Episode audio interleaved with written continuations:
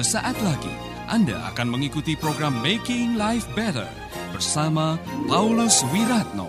Selama 15 menit ke depan, Anda akan belajar membuat kehidupan lebih baik. Belajar dari kebodohan. Bersama saya Paulus Wiratno, masih dalam acara Making Life Better. Saudara pendengar, saya senang sekali apabila saya bisa menjumpai para pendengar Making Life Better yang berada di seluruh Indonesia maupun yang berada di negara-negara yang lain yang mendengar lewat HCGB World Radio maupun yang mendengar lewat Bible Voice.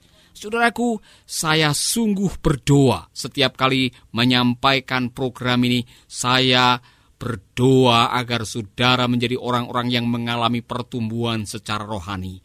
Saudara hidup dengan luar biasa oleh karena saudara bertumbuh secara iman dan saudara menjadi orang yang kuat menghadapi segala tantangan kehidupan. Rumah tangga diberkati, usaha mengalami perkembangan dan kehidupan pribadi saudara mencapai titik yang maksimal. Itulah doa saya.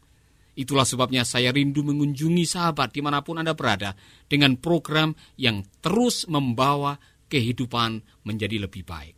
Apabila saudara diberkati oleh program ini, jangan lupa sampaikan kesaksian saudara lewat website. Ada sebuah website yang baru, yaitu gampang saja untuk mengingatnya.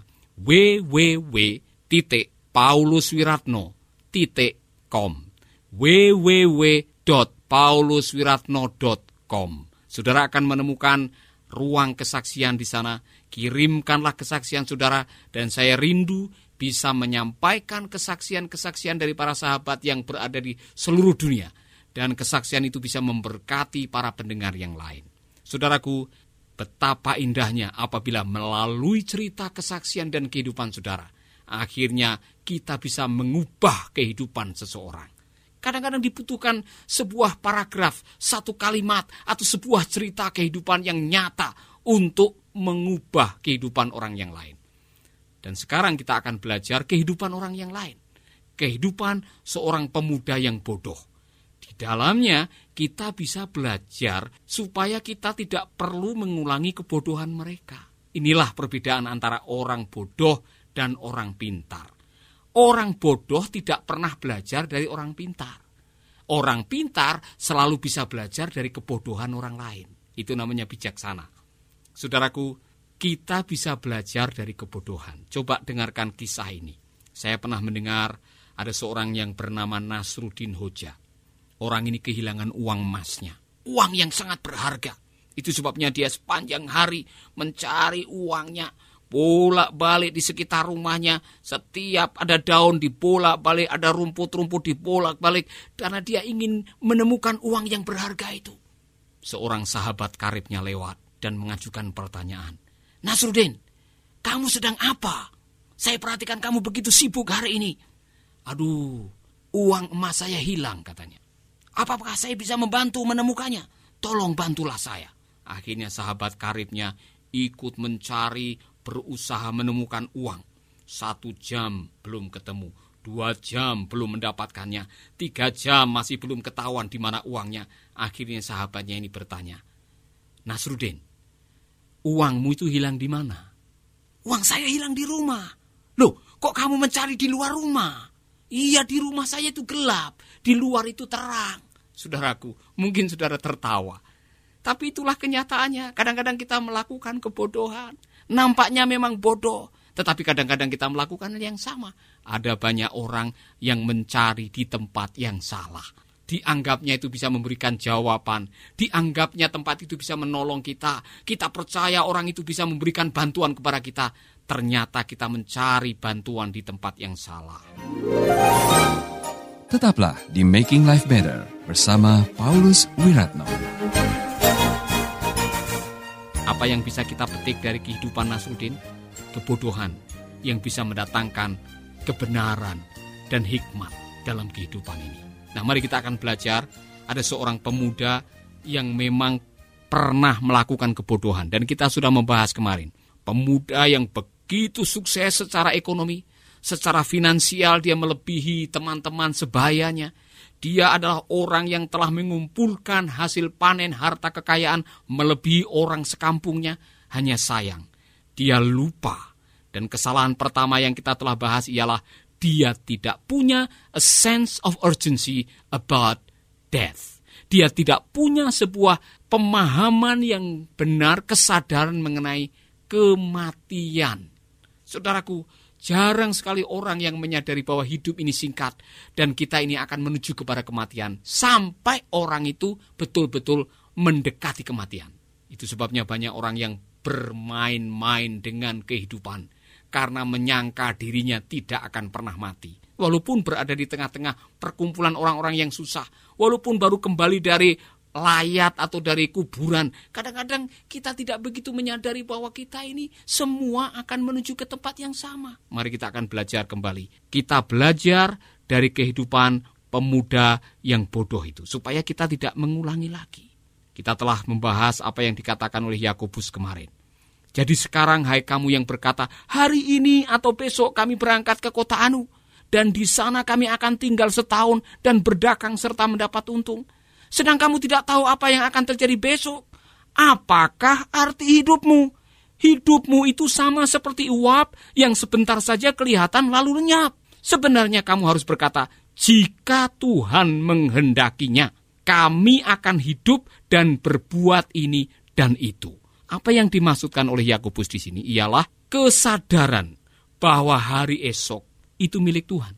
Dan kalau kita masih diberi hidup hari ini, marilah kita menemukan arti kehidupan ini supaya kita menjadi orang yang betul-betul bisa menjalani hidup dengan bijaksana. Kalau kita mencita-citakan sesuatu untuk hari esok, jangan lupa bahwa hari esok itu tidak ada di dalam genggaman kita. Hari esok itu milik Tuhan. Jadi kalau kita bisa memasuki hari esok dan kita mau memasuki hari esok dengan rencana-rencana yang luar biasa, jangan lupa minta izin Tuhan.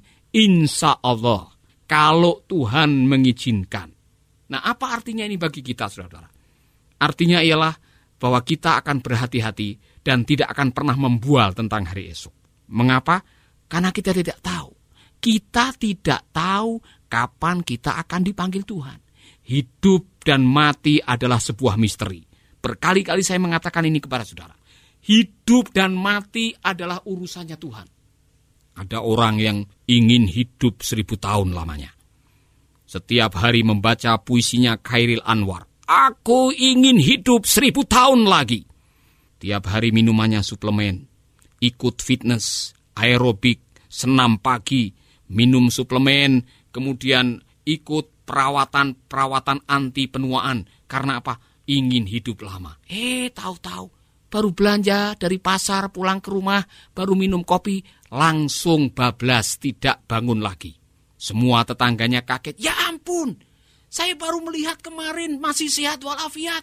Saya tidak pernah menyangka kalau dia mati terlalu cepat. Semua orang kaget, dikejutkan. Orang yang sehat walafiat, segar bugar, tidak pernah menyangka ada sakit penyakit, tidak ada keluhan, tiba-tiba mati. Saudara pernah mendengarkan? Kadang-kadang kita mendengar dari televisi, kita membaca surat kabar, kita mendengar dari tetangga kanan kiri. Kita semua tidak pernah menyangka, waduh, kenapa dia mati terlalu cepat. Saudaraku, sebaliknya ada orang-orang yang tiap malam doanya itu pengen mati. Kalau berdoa sambil meneteskan air mata sambil nangis-nangis. Oh, Tuhan, begitu banyak persoalan yang saya hadapi. Saya tidak sanggup menanggung itu semua. Lebih baik aku mati, Tuhan. Eh, besok bangun, tidak mati. Malamnya berdoa lagi. Minta kalau boleh, Tuhan lebih baik aku mati saja. Saya tidak sanggup menanggung beban hidup ini. Besok bangun lagi. Saudaraku, inilah hidup hidup dan mati itu misteri dari Tuhan. Ada yang pengen hidup lama malah mati cepat, mendadak, dan tidak disangka. Ada yang pengen mati malah tidak mati-mati. Yang paling penting dalam kehidupan kita ialah kesadaran bahwa hidup ini adalah singkat. Kehidupan itu adalah di tangan Tuhan. Anda masih mengikuti Making Life Better bersama Paulus Wiratno masih ingat pengalaman saya waktu naik pesawat Merpati Airlines dari Sorong menuju Makassar. Pagi itu cuaca bandara sangat cerah. Demikian juga wajah setiap penumpang di pesawat Fokker 100 yang siap terbang dari Sorong menuju Makassar. Semua ceria. Nah, di deretan bangku saya ada seorang ibu yang masih setengah baya, yang begitu ceria, berbicara kepada anak-anaknya melalui HP sebelum pesawat tinggal landas. Semua berjalan dengan lancar, dan biasa-biasa saja. Namun ketika pesawat sudah lepas landas selama 20 menit, tiba-tiba ada goncangan-goncangan kecil. Karena masalah tekanan udara. Tanpa disangka-sangka, pesawat mengalami guncangan yang hebat karena masalah tekanan udara itu. Dan itu membuat Ibu Maria Romawi mengalami shock dan penyakit jantungnya kambuh. Kemudian dalam waktu 5 menit, dia menghembuskan nafas yang terakhir di dalam pesawat. Saya coba untuk mendoakan agar Tuhan bisa menyembuhkan, namun usaha saya sudah terlambat. Doa saya tidak bisa mengembalikan nyawa Ibu Maria Romawi. Akhirnya saya diminta oleh pilot untuk memimpin doa penyerahan jasad almarhum.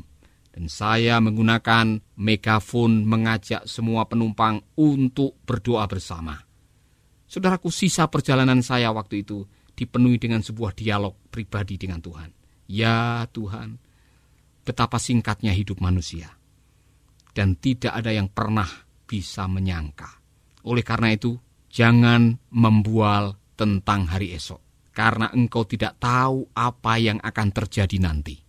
Itulah kata sang Nabi Sulaiman di dalam kitab Amsal pasal 27 ayat 1. Jangan membual tentang hari esok. Saya juga pernah punya pengalaman mendoakan orang yang selalu pengen mati. Namanya Bapak Martin Pangemanan, umur 71 tahun. Setiap minggu saya datang membesuk beliau. Doanya hanya satu aja, Pak, tolong doakan supaya saya cepat dipanggil Tuhan. Saudaraku, setiap kali saya berdoa, setiap kali saya membesuk, setiap kali saya melayani perjamuan kudus, saya berdoa agar Tuhan segera berkenan mengambil nyawa Bapak Martin Pangemanan dan dibawa pulang kembali ke surga. Tapi selalu masih hidup, selalu segar, sehat walafiat. Saudaraku inilah kehidupan. Ada orang yang pengen mati tidak mati-mati. Ada yang pengen hidup lama tapi malah cepat mati. Yang jelas, kita semua tidak punya kekuatan untuk mengatur kehidupan dan kematian. Soal ajal dan kehidupan itu milik Tuhan. Yang bisa kita lakukan ialah mempersiapkan diri dan menjalani kehidupan dengan baik.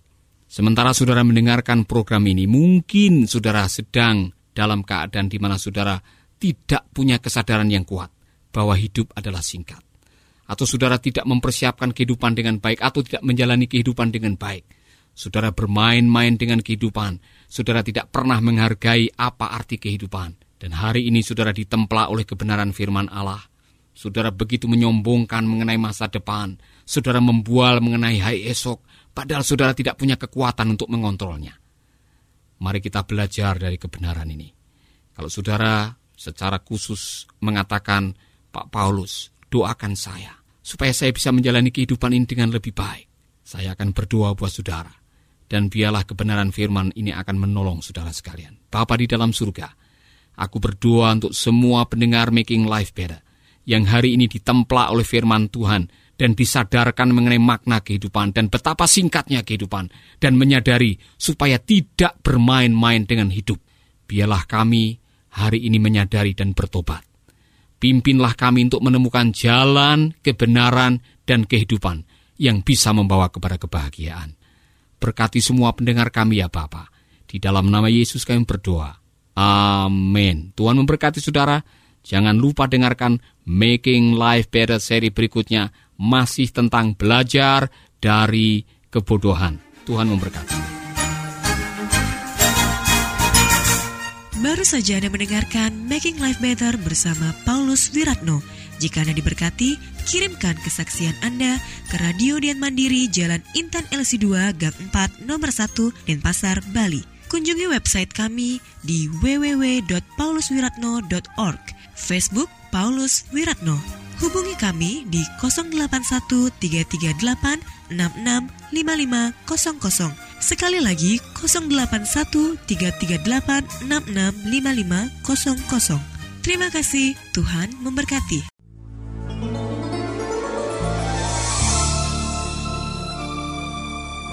keluarga Gracia, biarlah firman Tuhan selalu menjadi pelita dalam hidup kita sepanjang tahun ini. Dengarkan selalu radio Suara Gracia di 95,9 FM, streaming di suaragratiafm.com streaming atau dengan aplikasi Android Radio Suara Gratia yang tersedia di Play Store. Jika Anda diberkati oleh siaran suara Gracia FM dan mengalami kuasa mujizat Tuhan, mari menjadi berkat dengan mengirimkan kesaksian ke WhatsApp Radio Suara Gracia FM di 0817 222 Biarlah melalui kesaksian Anda, banyak jiwa dikuatkan dan dibangkitkan kembali imannya.